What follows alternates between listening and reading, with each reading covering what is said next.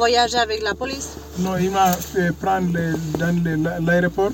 Il m'a ramené dans l'autre. C'est c'est dans l'aéroport, mais je ne sais pas. C'est police ou c'est pas police? Ok, et, et la Croix-Rouge, tu l'as vue quand? Dans quel moment la Croix-Rouge C'est t'a la police qui accueilli? m'a donné l'adresse là où il y a l'association. Ok, d'accord, ok. C'est seulement parce que nous, on ne vit pas tout ça, donc c'est pour ça que je te demande autant. Ouais, c'est la police qui m'a donné l'adresse Mhm. là où. Parce que moi, le, le moment que j'arrivais à la police, j'ai dit la police, moi, je vais retourner. Mhm. Il m'a dit il y a un bus qui va tout de suite jusqu'à Irun aujourd'hui. Mais à ce moment-là, je n'ai pas de l'argent. C'est le lendemain, j'ai parti à la centre-ville de Madrid. Il y a une boutique sénégalais. Ouais, C'est là-bas que mon ami là, il a envoyé l'argent avec le passeport de monsieur. Le monsieur, il a re- retiré l'argent, il m'a donné. J'ai parti couper les billets. Ok, d'accord, ok. Parisen atxilotu eta Madrilera igorri dute bart, bertara iritsi orduko poliziari berriro Frantziara itzuli nahi zuela esan dio. Hauek, badela autobus bat bere ala irunera doana. Ez du dirurik, bertan ezagutuko duen Senegaldar bati helarazi diote lagunek bidaiarako behar duen dirua. Eta biharamunean autobusa hartu eta irunera iritsi berri da.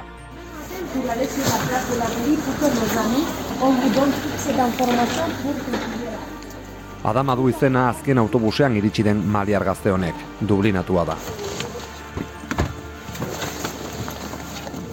Ahora me explica. Kaixo, egoibelategi naiz, naiz erratiko kazetaria eta azken aste hauetan irun eta endai arteko mugan kontrolak zorrozeak izan dituen eraginak aztertzen egon naiz.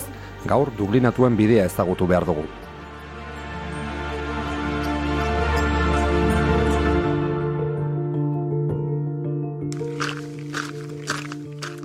Bideak. Naiz irratia eta media bask. kontrol selektiboak eta kontrol rasistak behin eta berriz eh, salatu indoguz, kontrolak Ce que moi aujourd'hui ça m'est arrivé, mon cousin il était décédé ici, donc je plus que ça. Komisaldegitik atera naizenean, argi eta garbi izanean, urrengo arte. Zenta, segituko dut legaltasunez, lege horiek egi- laguntzen, Zubiak irekitzea aldarrikatzen dugu behin eta berriro. Kontrola kentzea. Désolé, ni Niego, Couillou et encore moins moi, nous pouvons infléchir la position des États et, et- et encore moins de l'Europe. ze kontrol selektiboa ari da egiten eta zer hartzen da kontuan egiteko kontrol batek mm, persona bati bai beste ez. Une fois que tu fais le passage, il y a beaucoup des autres bénévoles qui vous accueillent et qui vous amènent aussi en voiture de manière gratuite. Si, si ils, ont- ils ont vu, les policiers ils ont vu que la groupe est nombreux, Bosgarren atala. Dublingo bidea. police te repère, tu risques de qu'on t'arrête et on te dit "No, rentre en Espagne. Vas-y. Irungo harrera sareko gautxoriek gaueko autobusetan mugako herri honetara iristen direnei lehen harrera egiten diete. Lotarako eta garbitu eta jateko gutxienekoak lortzeko bideak zein diren azaldu. Eba eta oianaren txanda da gaur. Azken autobusean mali argazte bat iritsi da eta presa du mugai garotzeko. quand tu peux dormir quelque part et le faire la journée dans le bus.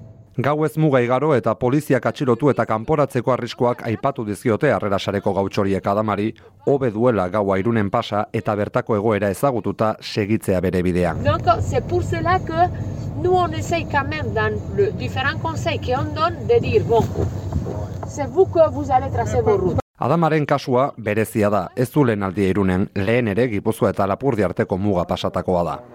Claro, eta bera duela zei bete pasada hemendik. Bai, Eta hemen egin du, gau bat, eta joan ziren paser batekin, kamerundarra.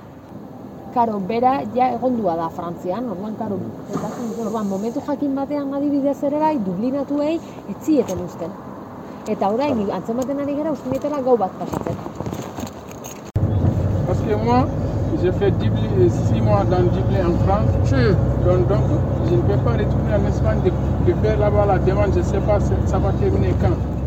Pour cela Moi, je à ce niveau, moi non plus. Le mieux, si je ne sais pas si là où vous étiez à Paris, je ne sais pas si vous, vous avez fait la demande d'asile à Paris. Sei hilabete zera matzan Parisen, tramite administratibo bat egitera joan da bezperako goizean asilo eskaria egina zuen Frantzian. Baina, irunen dago berriz ere, zergatik.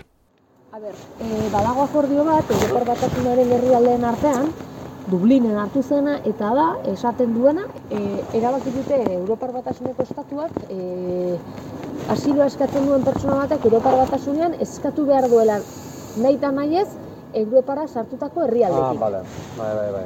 Orduan, pertsona hau Espainiar estatutik sartuko zenez, egin duenean bere eskaera Frantzian, hasi dire tramitatzen, eta bat batean, Oztopoak. e, ez oztopoak, joan denean seiatzera edo berritzera bere txartela edo bere eskabidea, e, atxilotu dute, Eta kanporatu dute. eta kanporatu dute hegazkinez Madridera.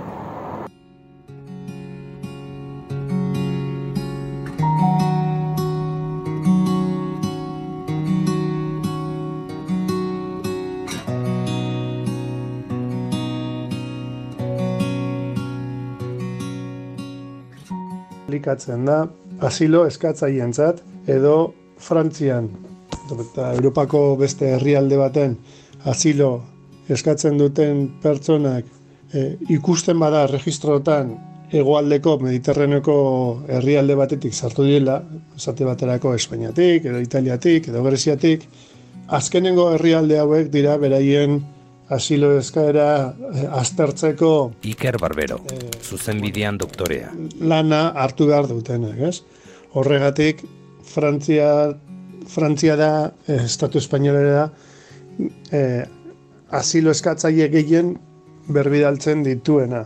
Hemen, azpimarratu behar da, alde batetik, Dublingo reglamentuak prozedura zehatz bat finkatzen duena, nun pertsonak migratzaileak defendatzeko eskubidea daukana, ez da automatikoa, eta beste gauza bat, normalean, Paristik edo beste Frantziako aeroportu batetik gehienetan Madrilera zuzentzen dira abioiak. Ez du balio pertsona bat dubilinatzea mugatik, ez? Gure iparraldeko gure muga batetik. Eta hori esan da, behin pertsona hori Madrilera heltzen danean, Madrilen asiloa eskatzeko aukera izan beharko luke, eta asilo eskatzaile bezala, bueno, ba, zenbait baldia, gisa baliabide batzuk eskaini behar zaizkie pertsona hauei. Ez du balio Madrilen abandonaturik edo inolako tresnarik o baliabiderik gabe ustea kalean edo edo dirurik gabe edo bueno Horregatik pertsona askok erabakitzen dute ikusten dutenean Madrilgo egoera kaskarra dela,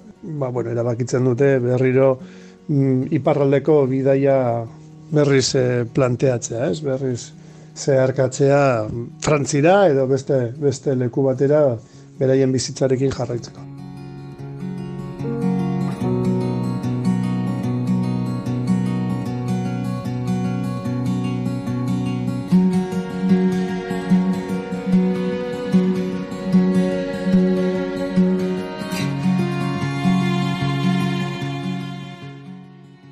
Akordioa asilo eskatzaileen eskubideak defenditzeko araudi gisa azaldu izan du Europar Batasunak, baina adamaren kasuan lehen pertsonan ikusi izan dugu kanporatze huts bat izan dela. Jari, iruditzen zaidana da honek, duen babes legalik, inorrek ez dio bide laguntza egin. Familia duzu ezaukan? Ez dakit. Joan dira, firmatzera, barritzera, firmatzera, firmatzera. ba, au- aurreko hilabetean bezala, eta orduan ez diete utzi. Eta karo, eta atera naiz, eguerdiko amabitan, udaberriko kristoneko guraldi bate kristonean, e, kamiseta eta galtza motxetan, eta karo, eta bioi batean nago, eta utzi baten Madrilen, eta hemen, iritsi eta kristoneko izarra. Zeren ja, hemen daukazu egun berriko egun normal bat, bai, atzo oso ona egintzun binen gaur ja, Madrilera iritsi orduko asilo eskaria egiteko aholkularitza eta bideak izan beharko lituzke.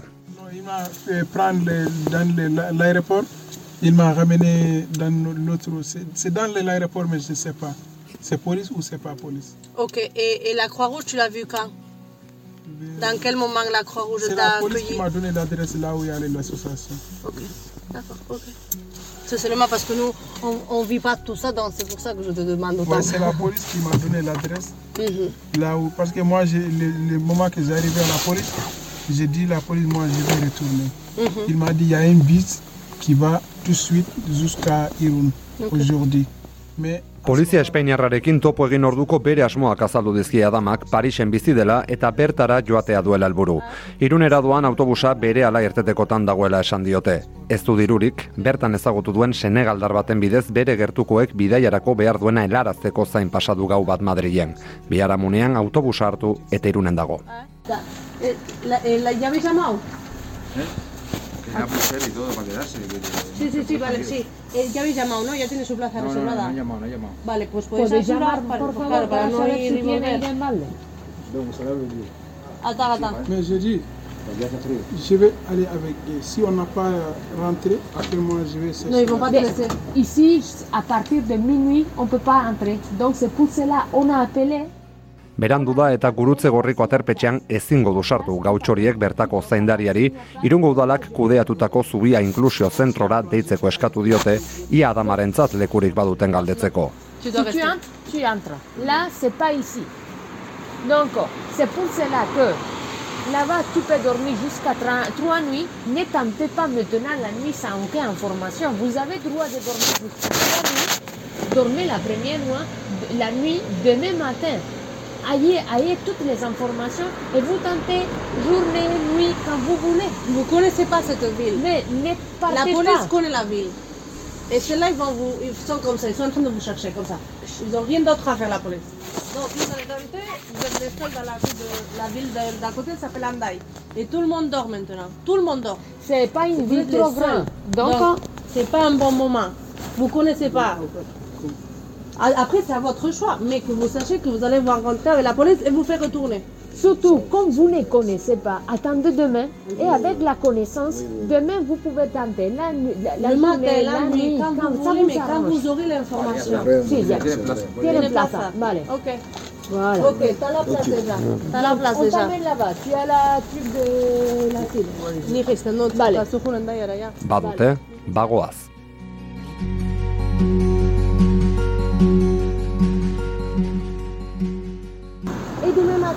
Tu vas te rencontrer avec eux à 10h du matin. Et là-bas, c'est tout près de la place, beaucoup plus qu'ici.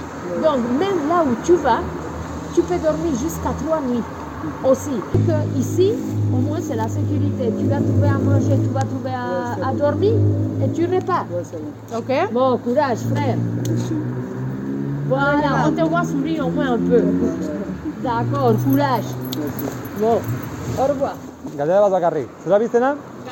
Galardi, bala, egiteko. Zerrik asko. Oiana galardi gautxoria etxera doa, Eba Arangurenek eramango duzu bilara.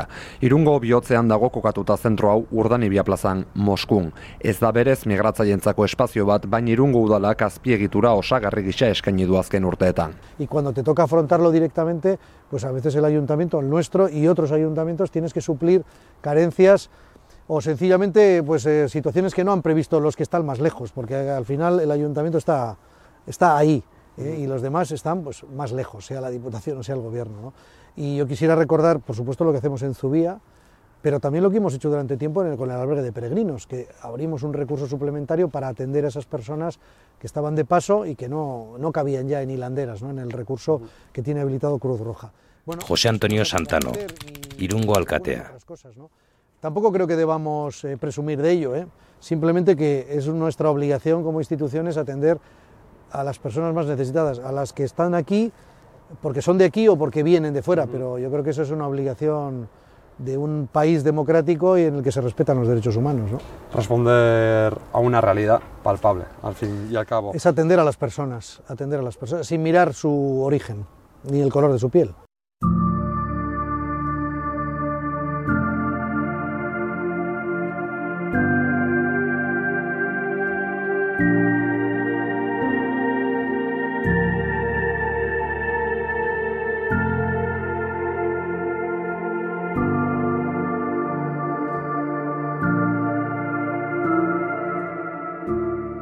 Dublingo hitzarmena larogeita margarren amarkadan sinatu zen, eta ondoren, kolpe ezberdinetan Europar batasunak bere araudiaren parte bihurtu du.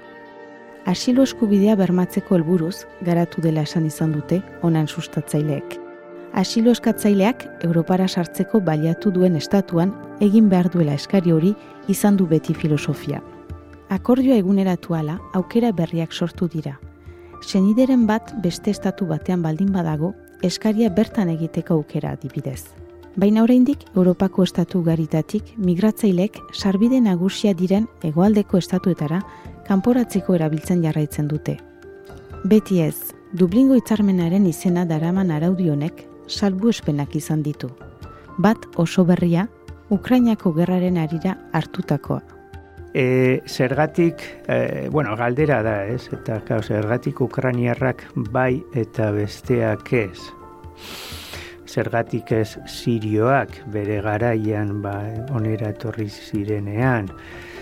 Bueno, e, Europar batasunea hola funtzionatzen du. Eta bai, a ber, garbi dago, diskriminazioa edo tratu ez da berdina ari dela e, ematen Europar batasuna Ukrainiako jendeari eta beste herrialdetik ere IES onera etortzen dire. Mikel Mazkiaran, abokatua eta sos arrazakeriko kidea. Iaiteke asunto hau pensatzen e, Europar batasuna eolako erabakia hartuta agian suposatzen du beste politika bat posible da egin. Nahi dutez zenbat aldiz entzun dugu ere ez dala posible beste politika bat martxan jarri. Eh? Segurtasuna da lenda biziko gauza.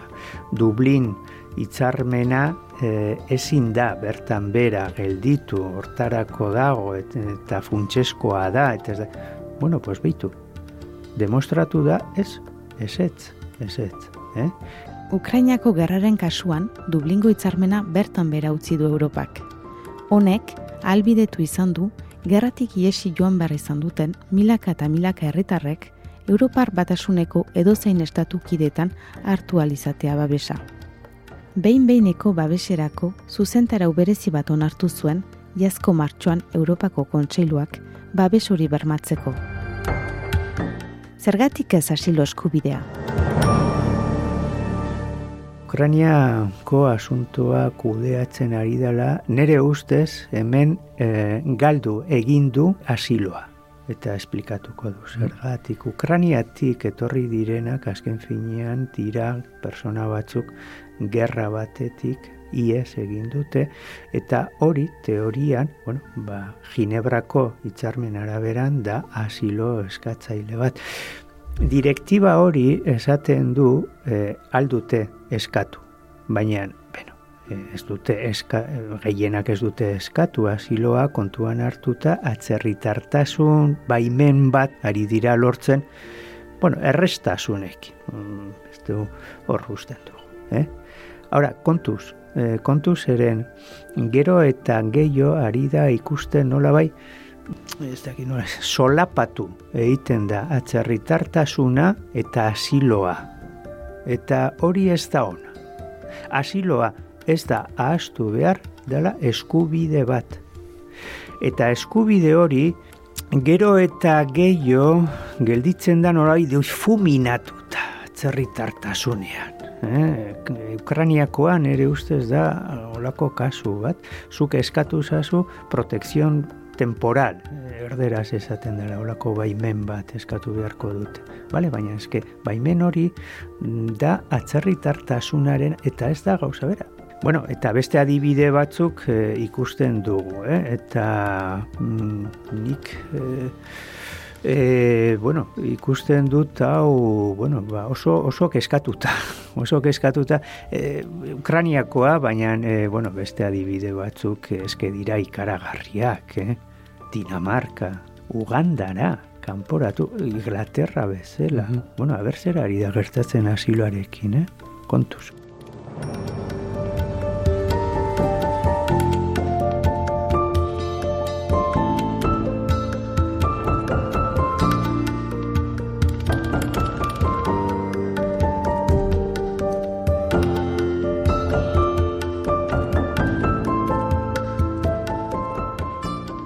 Salbuespena da Ukrainarekin egin duen Europak. Eta salbuespena izatean nahi izan du Europako kontseiluak. Gainerako migrazio politikan eraginik izan ez dezan.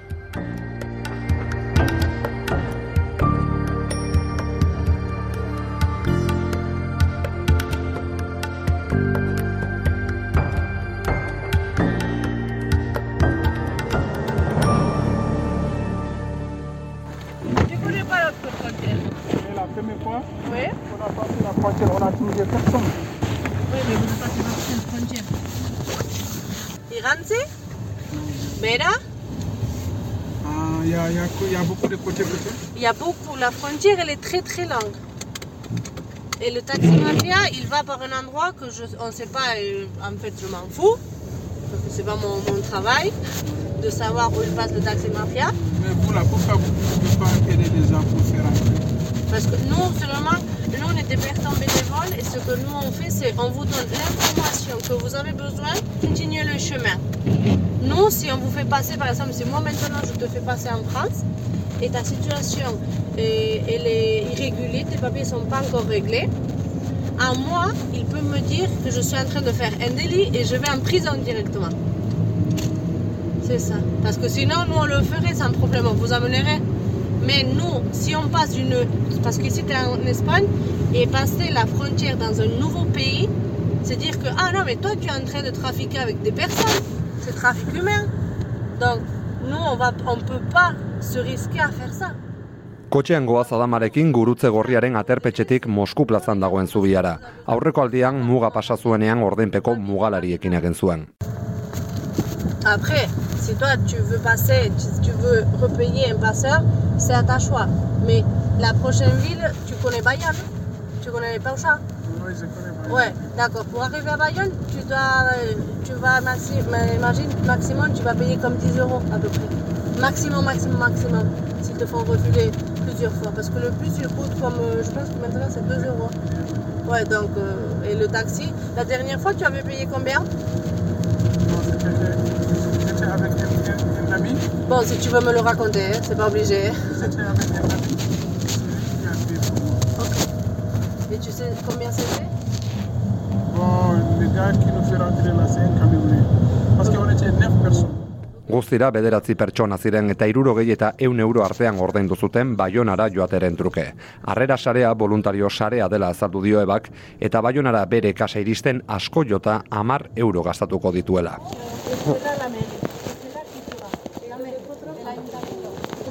Sí, nos llama a vuestra compañera. A 10 heures, c'est la place. Ok. ¿Mañana qué hora tendrá que salir? Mañana hasta las 7 de la tarde se puede quedar. Vale, ya, vale. Ici, Luego, rester ici jusqu'à 10 si puedes explicar ya el horario vosotros. Eh, castellano nada. No, eh, ¿Tu parles espagnol No. No. No, no, no, a las 7 el centro se cierra, él se puede quedar a las 7 o se puede ir si quieres a las 7 de la tarde, luego tendría que venir a las 9. Vale, ¿y tendría plaza? Tres noches. Vale, vale. Hoy que es ya... Sí, sí, sí, digo, porque a veces ha pasado que no tenía plaza porque había que cogerlo eh, la plaza a la mañana, no, No, sé. no, no. Vale. Le hago ahora, entonces no sé. Una semana sí que a las 9 hay que salir y sería volver a entrar a la 1. Non, non, non, ça va, non. Ok, donc elle a dit que, que si demain matin que tu passes pas et que tu veux même la, la tête un peu, tu peux venir ici à 9h pour, pour prendre ta place, d'accord Parce qu'elle, elle va garder pour nuits, ok À 9h, De la nuit, à 19h. Euh, 21. À 20h. 21. ok, Para c'est dormir. Pour dormir, ok Donc demain matin, ils vont te réveiller, tu vas prendre le petit déjeuner. Et c'est pour duchar ou non? Tu peux te prendre la douche tiene doucher. cena y desayuno Tu as dîné et le petit déjeuner. Et après, à 10h du matin, tu peux attendre ici, tu peux être ici. Tu montes à la mairie. Donc, demain à 10h, l'ayuntamiento. Important l'horaire, hein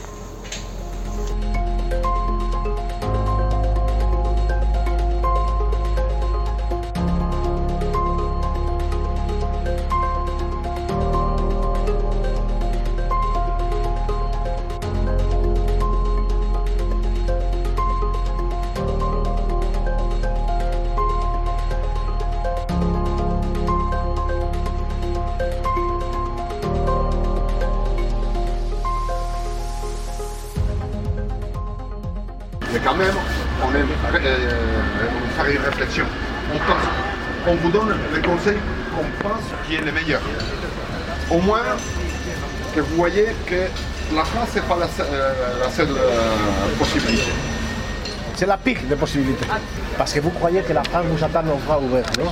C'est ça que vous croyez. C'est la police française qui vous attend aux bras ouverts. Pour vous dire, venez, venez, retournez, retournez.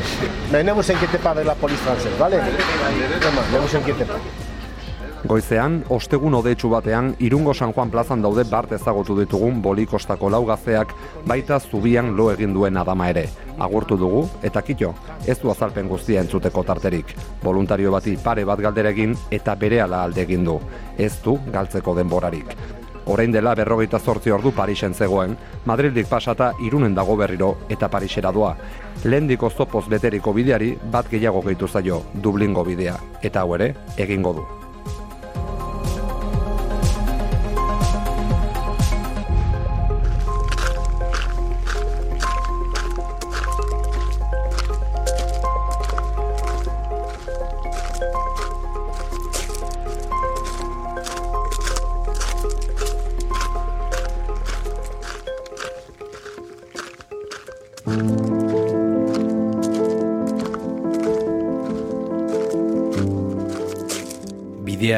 Naiz irratiak eta media baskek mugaren itxierak migrazio bideetan izan dituen ondorioak aztertzeko osatu duten lan berezia da. Koordinazioa, goizeter taberna eta jonteieria. Elkarrizketak, simunlarre eta egoi belategi. Lokuzioa, oiana da gerre. Edizioa eta errealizazioa, larreitzotazo. Argitalpen hau, bideak inmigrazio eztabaidan proiektuaren esparruan kokatzen da. Pirineo Atlantikoetako eta Gipuzkoako herritarrek ideiak mugaz gaindiko aurrekontu parte hartzailearen irabazlea da. Pirineo Atlantikoetako departamentuko kontseiluak eta Gipuzkoako foru aldundiak bultzaturiko mugaz gaindiko aurrekontu parte hartzaileari buruz informazio gehiago aurkitzeko gipuzko irurogeita lau.eu.